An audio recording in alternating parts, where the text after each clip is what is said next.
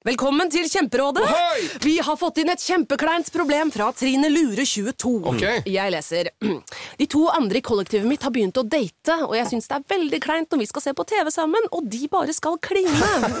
Ok, ja, Yes. Hvordan skal hun løse dette? Siden Trine Lure er under 30, får hun jo ubegrenset data fra Telenor fra 399 kroner. Da Da kan hun sette seg på sitt eget rom, streame så mye hun vil på mobilen. Ja, hun kan jo se på nye mobilabonnement på telenor.no. Ja, det er lurt.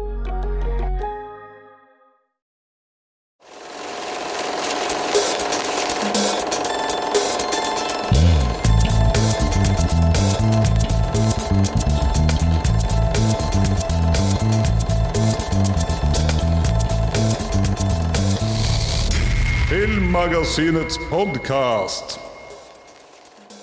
Er det lyden av en zombie, eller er det meg som har litt grums i halsen? Det gjenstår å se, men i dag skal vi uansett snakke om en av årets to zombiefilmer. Vi hadde nylig besøk fra De gjenvendte, og denne gangen skal vi snakke om håndtering av udøde. Og i den forbindelse så har jeg med meg regissør og manusforfatter Thea Wistendal. Velkommen. Hei, tusen takk. Veldig koselig du kunne komme. Veldig hyggelig å være her. Jeg så veldig nylig filmen, og jeg likte den veldig godt. Og etter å ha nylig sett en annen zombiefilm, så vil jeg si at dette er to vidt Vidt forskjellige filmer. Og det syns jeg på en måte Det er fint med zombiekomedier, men din film er Jeg vil beskrive den som emosjonelt vanskelig. Den påvirker følelsene dine ganske sterkt. Det er bra. Det er veldig bra. Det er intensjonen, Det er intensjonen. Mhm. Og det er jo i stor grad heller mer en dramafilm. Og det er jo bitte litt vold, og det er noe skrekkelementer inni der, men den er på en måte Jeg vil egentlig ikke se på den som en faktisk zombiefilm. Ikke jeg heller. Bra. Nei, det er jo ikke en um, Nei, det er ikke en zombiefilm. Det er ikke det. Men den har jo på en måte et zombiepremiss, eller hvis man kan kalle det det. Så jeg har vel hele tiden tenkt på det som en slags Eller som en dramafilm med et horrorpremiss. Mm. Og så har jeg vært innom og kalt den litt sånn melankolsk horror. Jeg syns det var et fint navn å beskrive for den er ganske melankolsk. ja. Den er um, Den er det.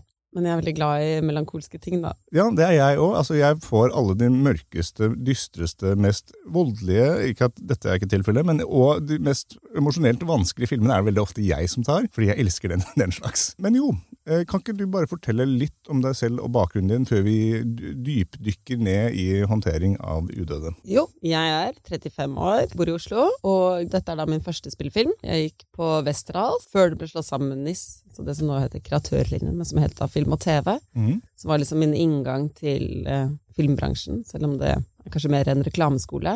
Eh, og etter det så fortsatte jeg å gjøre liksom egne musikkvideoer og kortfilmer, mens jeg også da jobbet som assistent for mange andre, eller på større filmer og serier da, i bransjen, hvor jeg følte at jeg på en måte fikk en, et nytt syn da, eller hvor det var der jeg skjønte, ah, det er sånn man lager film, ja. Ikke sånn som vi gjorde på skolen. Det var derfor det ikke ble sånn som jeg så for meg at det skulle bli. Så det var veldig kult å få lov til å være med på å se hvordan det egentlig fungerer. Og så, ja, så fortsatte jeg da som sagt å lage musikkvideoer og kortfilmer, og etter hvert så begynte jeg også å gjøre reklame, som gjorde at jeg da etter hvert kunne bare jobbe som regissør. Så det var eh, veldig deilig. Og så gjorde jeg en film som heter Adjø Montebello, som var med Karpe, som var en slags sånn hybrid eh, konsertfilm, som gikk på kino i tre dager i 2017. Jeg så det var en sånn intens eh, promotering med bare eksklusiv view. Yes. Så det var jo For det er jo en konsertfilm, og på en måte Ja, det skulle være mer som en event enn en liksom kinofilm som dro seg ut over en lang periode. Mhm. Eh, Men det som var litt gøy med det òg, da var jo at eh, da vi la ut billettene, så krasjet faktisk eh, Oslo kinos billettsystem. Oi, hva gjorde dere da? Eh, Nei, det vet jeg ikke hvordan de fiksa det. Men det Krasja var dere? eller på en måte, Var det så stor pågang at det det knakk, Ja, det var det. faktisk? Ja, ja. Det er kult. Ja, ja, det var det. Det Det, var fordi at uh, Karpe har jo så mange fans, ikke sant? Ja, så de har lagt ut da og da kan du uh, på en måte bestille billett, og de har jo alltid litt sånn hemmelighetsfulle i forkant og sånne ting. Mm. Ja, ja, så det var på en måte trykket på alle som skulle bestille billetter samtidig, som gjorde at det krasja. Det jo bra, da. Det var veldig bra. Ja, det tenker jeg er fett. Mm. Eh, og etter det så har jeg gjort eh, noen flere kortfilmer, og så har jeg utviklet denne filmen siden ja, 2019. Og så hadde vi jo litt covid og sånt i mellomtiden. En smule. En smule covid. Mm. Eh, fikk et barn, sånne ting. På veien. Og nå er vi her. Nå er vi her. ja. Det er deilig. Og nå er det jo altså Nå er jo Filmmagasinets ansvarlig redaktør, Eirik Bull, han er jo i, i Göteborg Filmfestival nå. Jeg vet at den ble vist der. Fått noe feedback på det ennå? Ja, jeg har det. Den var jo åpningsfilm da i Göteborg, så vi hadde to visninger fredag kveld og én på lørdag.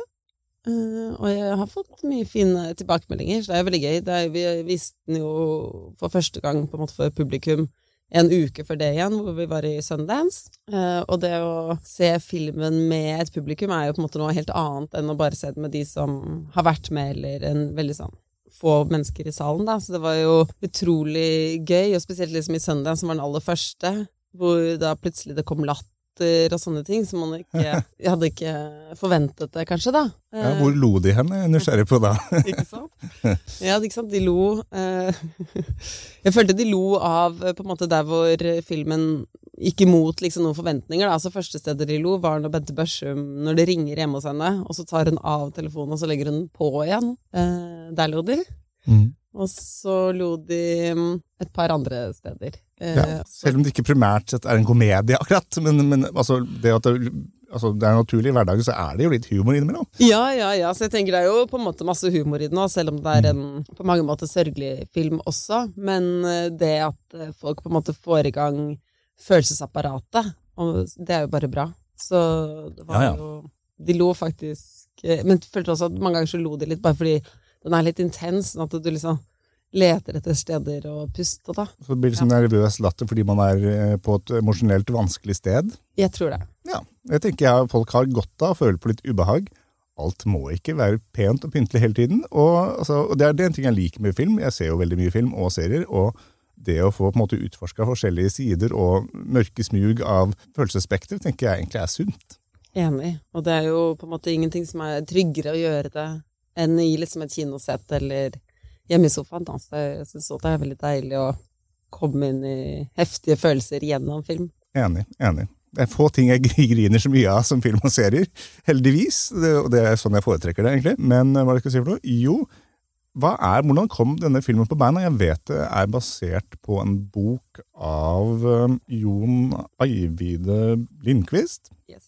Han og du har skrevet manus til filmen sammen? Ja. Så altså, jeg hadde jo selvfølgelig sett La Nordette komme inn og Grens, som også er basert på bøker han har skrevet. Og så mm, fikk jeg anbefalt en bok som heter Lille stjerne for en del år siden, som jeg syntes var helt fantastisk. Og da lagde jeg faktisk en kortfilm inspirert av den, da, som heter Satans barn. Eh, og så leste jeg flere av bøkene hans. Og eh, så visste da mine produsenter på Einar Film at jeg hadde veldig lyst til å adaptere noe han har skrevet.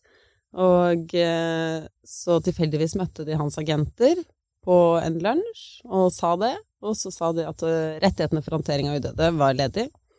Jeg hadde faktisk ikke lest den boka. Jeg hadde veldig lyst til Lille stjerne, men så leste jeg da den boka veldig fort. eh, Og syntes jo den var helt fantastisk. Og den har jo på en måte mange av de samme kvalitetene som er det ligger i hans univers, da. Og så fikk han se kortfilmene mine, og vi hadde et møte, og så fikk jeg altså rettighetene. Så fint. Ja.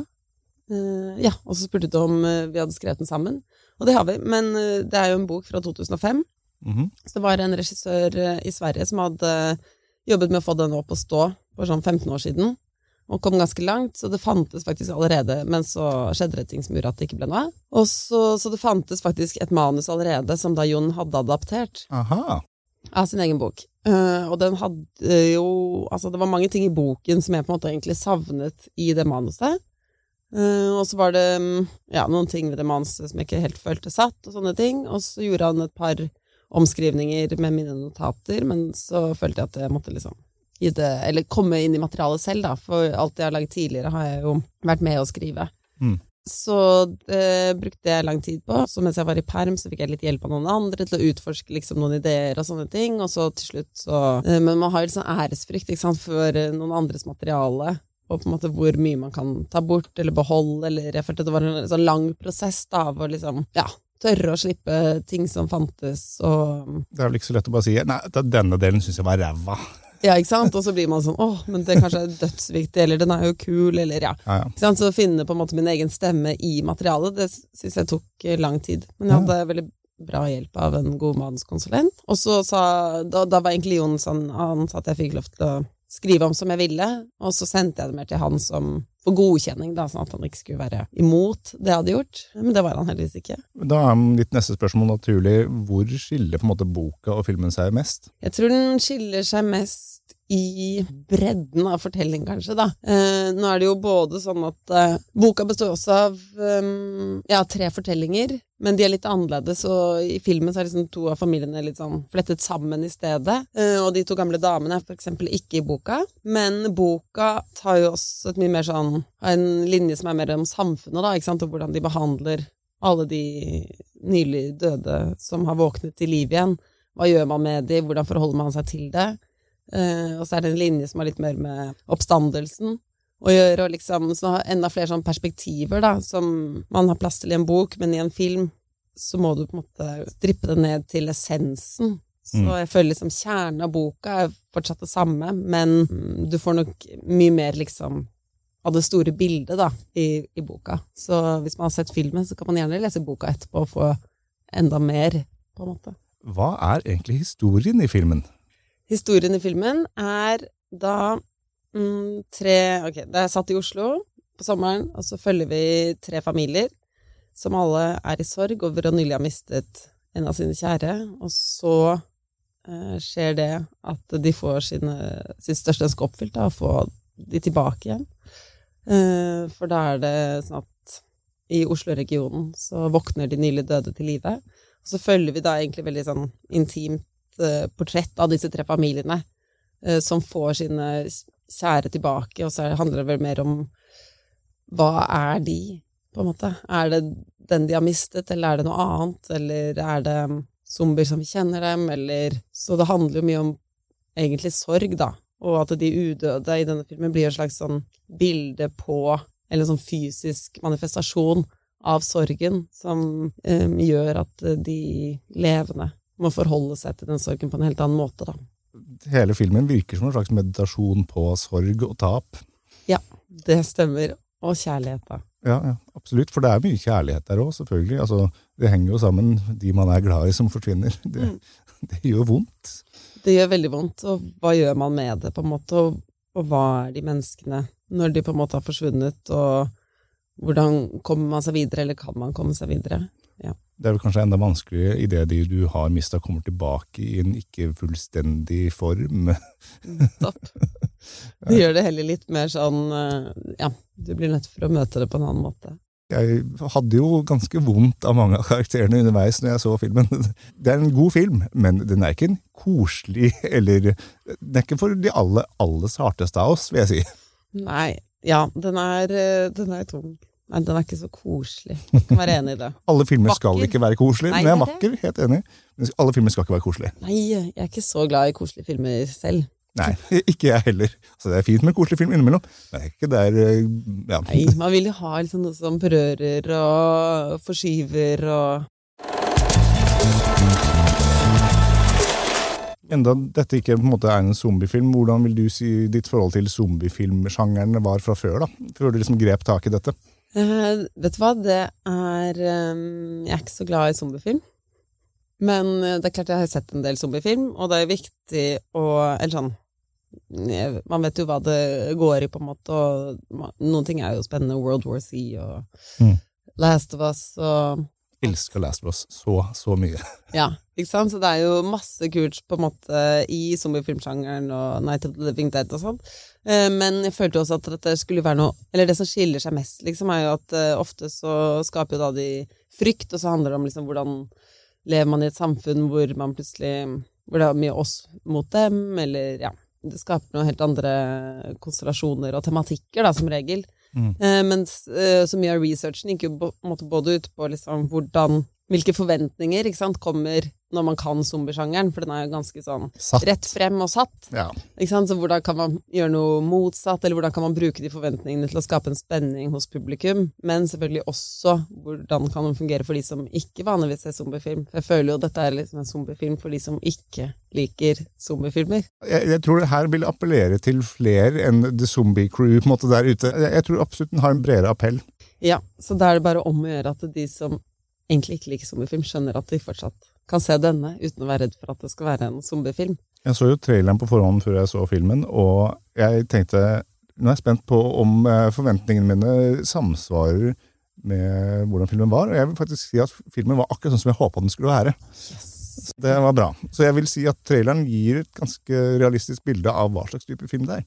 Så bra. Det er jo håp alltid, for jeg, synes det altså jeg er ikke så glad i trailere selv.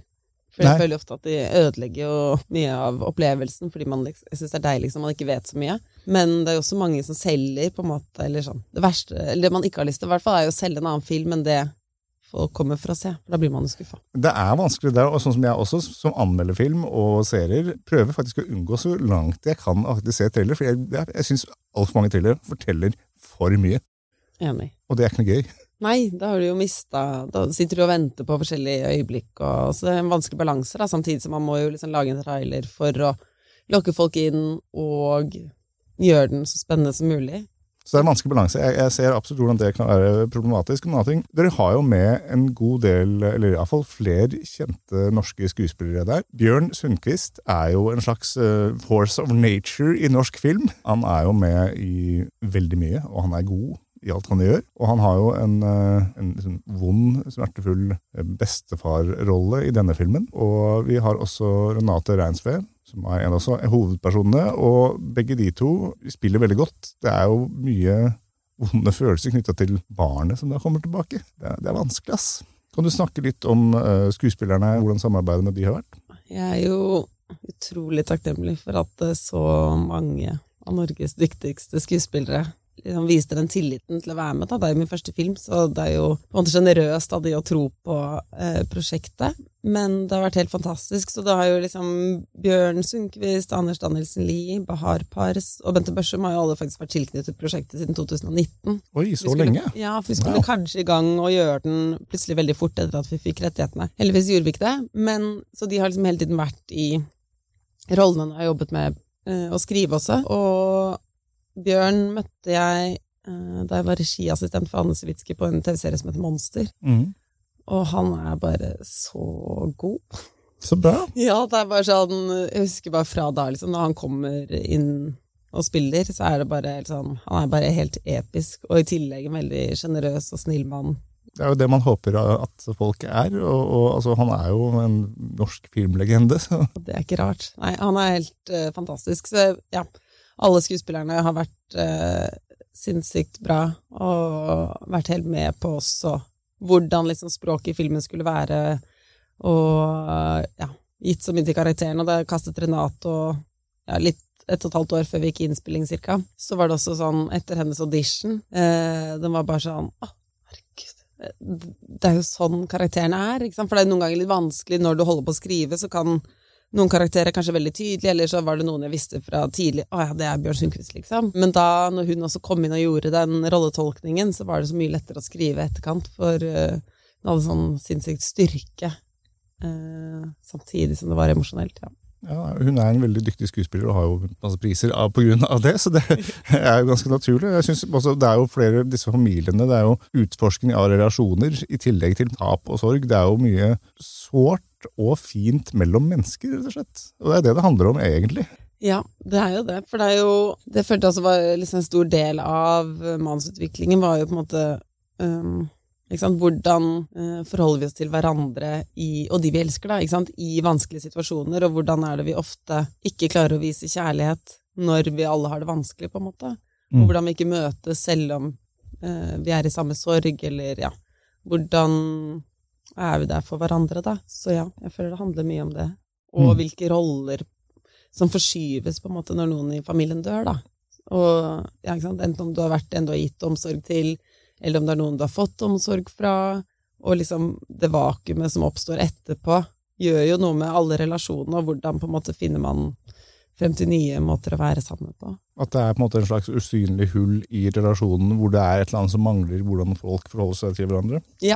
Og Mm. hvordan man har vært vant til å forholde seg til hverandre, og hva man har vært vant til å prate om. Og, ja. Spesialeffektene i filmen er jo ganske realistiske og effektfulle. Kan du fortelle litt om de? Ja, altså det var jo mye research som skulle til for å på en måte finne ut av det, og det er jo også i forhold til eh, hva skal man si, zombiesjangeren generelt, så er det jo liksom mange måter udøde har sett ut på. Eh, mens det jeg hadde lyst til her, var jo at de skulle være så realistisk som mulig, da. Så på en måte taken på sjangeren er jo Hvordan hadde det liksom vært sånn på ekte?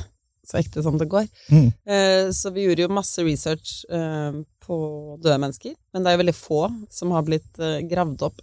Eh, eksempel to uker etter at de ble begravet. Um, så man får jo ikke alt, liksom, man kan ikke vite alt helt 100% men vi har snakket med begravelsesagenter og patologer og sett bilder og prøvd å finne et slags sånn design som gjør at de ikke blir for zombie. At det hele tiden var en sånn målestokk på nei, det blir for mye, men samtidig må de være nok døde til Å se døde ut. og se døde ut, på en måte, da. Eh, og så hadde jeg en fantastisk eh, special effects makeup supervisor som eh, heter Morten Jacobsen fra Danmark, som har vært eh, helt fantastisk og veldig detaljert og veldig mye stolthet, og også vært veldig god på å si sånn Nei, det blir for mye zombie, ja. Mm, ja, men det Eh. syns jeg også at, at de klarte å balansere det der veldig godt. Fordi de ser ja, de ser døde ut, men de ser ikke ut som et sånn overdrevent grotesk zombiemonster. Liksom, og, det, og det er mye mer effektfullt når fokuset i filmen ikke skal være det. Ja, nettopp. Så eh, Men det var jo for eksempel hans idé at vi skulle fjerne eh, Altså vi skulle justere hudtonene i post. Så i stedet for å sminke de blekere, på en måte, så har vi dratt ut rødtonen i etterkant, for da får man fortsatt beholdt liksom mer av teksturen og gjennomsiktigheten. Eh, og siden vi har flere eldre også, sant, som har så mye Mm. eh, fint i huden. Tekstur. Ja, riktig. Mm. Eh, Så var det egentlig en veldig god idé. Og så har vi jo barnet, som er en slags blanding av en dukke og en skuespiller og Ja, for det lurte jeg på og- underveis. Ja, det er en hybrid. For vi gjorde, jo- jeg hadde først tenkt å bare bruke barn hele tiden, men så gjorde vi tester på Det er jo hvor mye sminke du får på, da. Så? Hvis du har to timer til sminke på et barn, så får du egentlig ikke lagt på noe særlig. Mm. Sånn proteser eller noen ting. Eh, og så var jo barnet ganske lite, da, liksom bare fem år. Mm.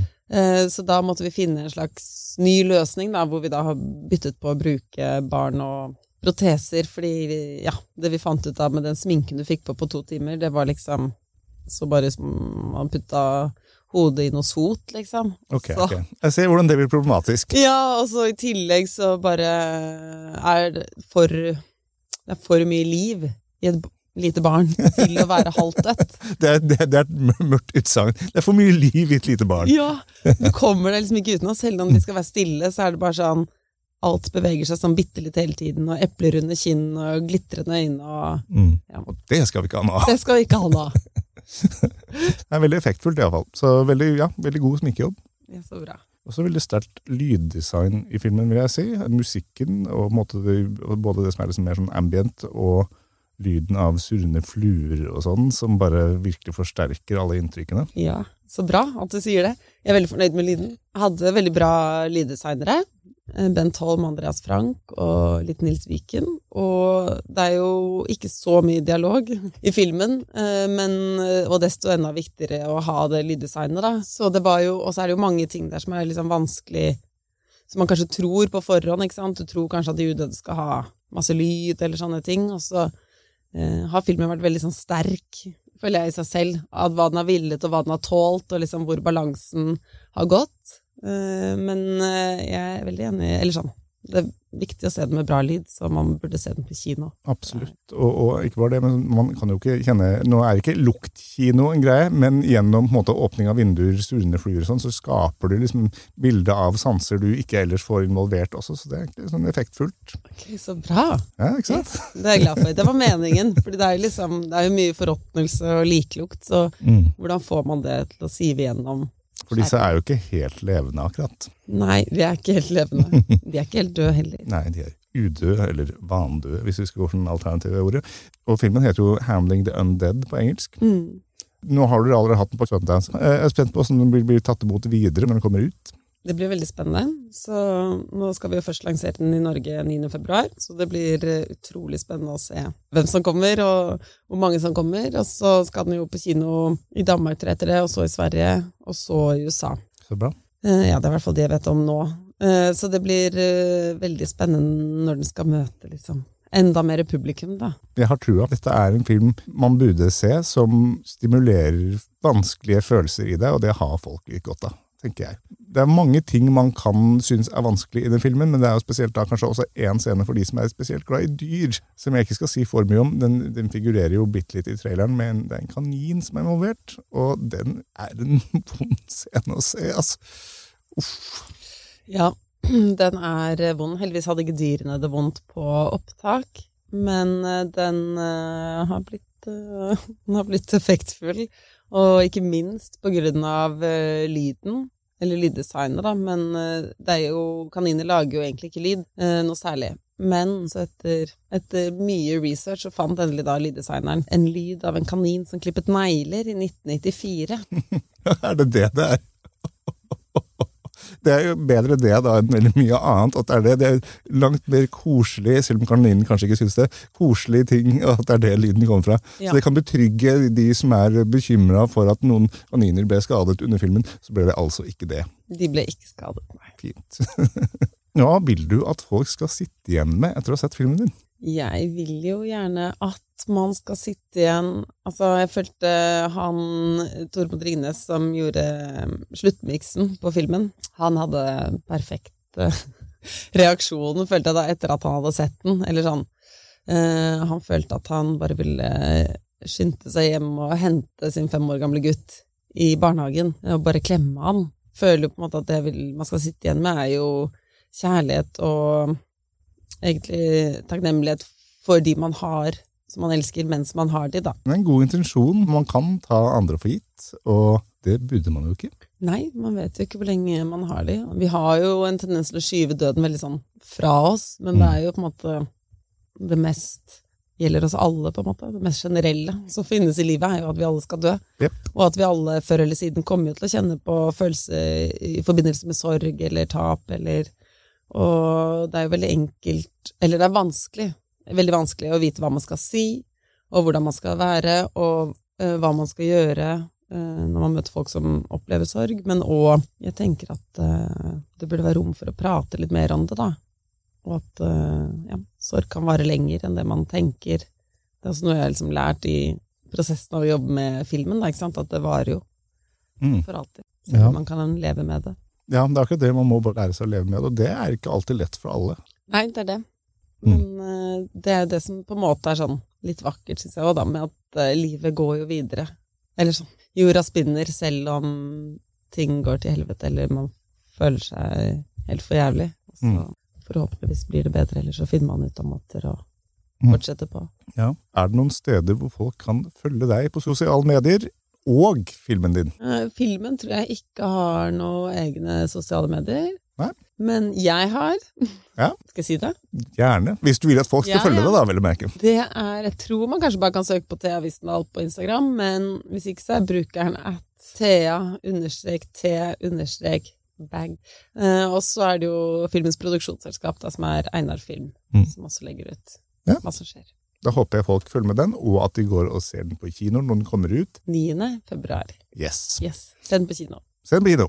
Gå og gjør det. Tusen takk for at du kom i dag, og takk for at du ville prate med oss. Jeg liker hvordan jeg sier oss når jeg sitter her alene. Alt alltid fint. Lykke til videre med filmen. Tusen takk. Følg oss på Facebook under navnet Filmmagasinet, på Instagram under navnet filmmagasinet.no, på Twitter med at filmmagasinet, og nå, helt nytt, på TikTok med at filmmagasinet. Med oss i studio har vi Lilla Lyd, som styrer lyd og teknikk. Intrognetten er laget av Francesco Hygen Pudo. Tusen takk til Bauer Media for godt samarbeid og utlån av studio. Ansvarlig direktør for Filmmagasinet er Eirik Bull, og mitt navn er Tor Aaberg.